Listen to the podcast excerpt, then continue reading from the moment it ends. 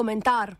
Planica, planica, snežina kraljica. Planica skazica. Planica, planica. Pred dnevi smo ustvarjalci Suspenzorja, nešportne oddaje o športu na Radiu Student, sarkastično tvitnili, da bo svetovno prvenstvo nordijskih disciplin, ki letos poteka v planici, postalo bančna luknja 2.0. Sarkastičen scenarij se bo, kot kaže, tudi uresničil. Prvenstvo so sicer otvorili Lajbahi, ki so za svojo priredbo narodne pesmi Oj, Triglav, moj dom, dobili hvalospeve z liberalne Twitter scene in Sidarta. Za zadovoljitev vseh okusov pa sta nastopila še ansambl Saše Slaka in DJ Umek. Slovenski premijer Robert Golob pa je ob otvoritvi zatrdil, da gre za največji športni dogodek v zgodovini samostojne države. Na prvi pogled je bilo videti, kot da prvenstvo ne more spodleteti. Svoje so z organizacijskim zaledjem naredila še državna podjetja, kot je Telekom, ki je za namene prvenstva in pozitivnega PR-a posodobil svoje 4G in 5G omrežje na območju Kranske gore in Planice.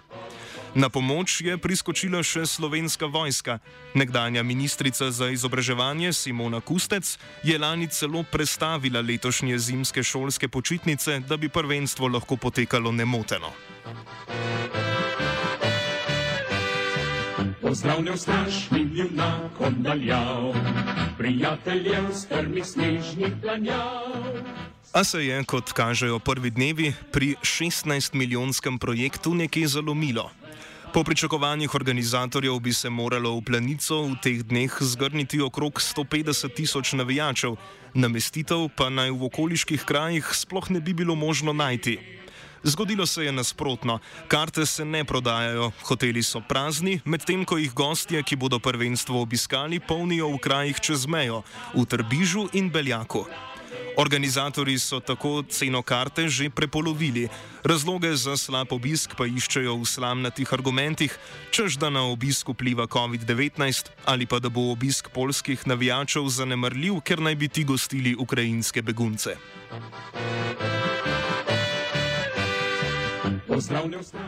Glavni problem je seveda, kot na večini vseh športnih dogodkov pri nas, pohlep. Organizatori prvenstva so obrali podobno pot kot organizatori naših festivalov, ko so za dnevno vstopnico postavili ceno 64 evrov, v smislu, da jih bodo kupili skandinavci in tisti, ki si to lahko privoščijo. Prvenstva, kot kaže, ne bo rešila niti zdaj že večkrat zauzeta drža, da so zimski športi in smučanje vendar slovenski nacionalni šport. Če kaj, bo prvenstvo v planici končno privedlo do začetka konca slavljenja zimskih športov kot tistih, ki so inherentno naši, vezani na našo narodnost in karakter.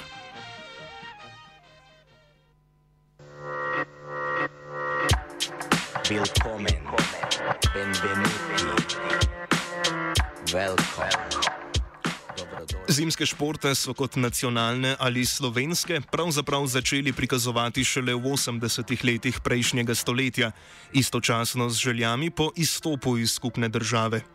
Smučanje je tako postalo eden od načinov manifestacije slovenskega nacionalizma. Smučanje nas je postavilo v nasprotno pozicijo do drugih narodov Jugoslavije. Slovenci so se tako predstavili kot delovni, uspešni posamezniki, ki vrhunske rezultate dosegajo s trdim delom. V tem pa naj bi se razlikovali od sodržavljanov, ki so igrali nogomet, lenarili in bili upleteni v korupcijo. S tem smo se Slovenci tudi poskušali približati srednji Evropi in karakteristikam par excellence, ki naj bi jo opisovali. Mini Amerika v bajti, mini Bush, mi narete za podred, aroganca, jaha toleranco, to je naš svet. Pripovedka o zimskih športih in slovenski po krvi dani sposobnosti za nje se je nadaljevala tudi po osamosvojitvi in je postala malo danes simbolna kot harmonika, goveja juha in narodno zabavna glasba.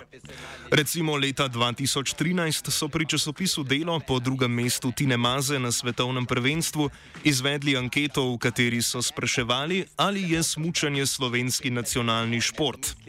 Prek tri četrtine vprašanih je odgovorilo pritrdilno, a kljub temu se danes izrisuje vprašanje, ali so zimski športi res tako poistoveteni s slovensko narodnostjo in ali smo Slovenci res tako športna država, kot si radi pripisujemo.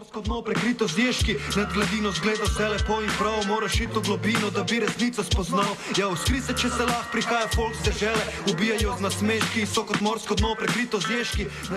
Če največji športni dogodek v zgodovini samostojne države kaj razkriva, je to dejstvo, da se radi priključimo vsakemu hype vlaku, ki ga vozijo uspešni športniki.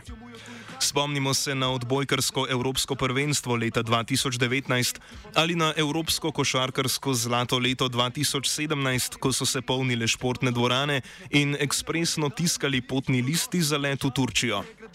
Danes lahko na klubskem nivoju pri odbojki ali košarki vidimo le peščico gledalcev. Tako je tudi tokrat, ko povprečni dosežki športnikov nordijskih disciplin enostavno ne zanimajo tako imenovanega športnega naroda ali pa športne dosežke izrabi politika za prikazovanje lastne domnevne uspešnosti.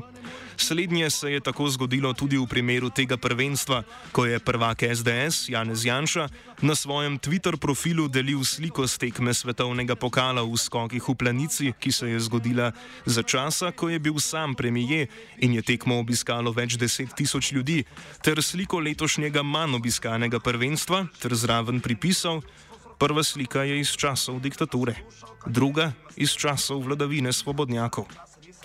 Do tu tudi seže športnost te države in njenih državljanov. Po istem teru hodimo vse bolj bolane kroge, ko pade ter te zmena se zgodi pokopališče pod mrkimi pogledi. Svojo vlogo v drugačenju skozi šport odigrajo tudi država in njene institucije, ki nudijo usluge, bodi si za promocijo dogodkov, bodi si za izboljševanje infrastrukture ali fizično delo pri samih dogodkih, ob tem pa plastično dajo vtis, da so zimski športi še vedno neločljivi od identitete naroda. Drugi športi bi si lahko le želeli nekaj promilov iste vrste pomoči ali odobravanja institucij države, da bi si izborili isti prostor pod slovenskim soncem kot zimski športi. Kot da si država oziroma politika želi deliti športne panoge na naše in njihove.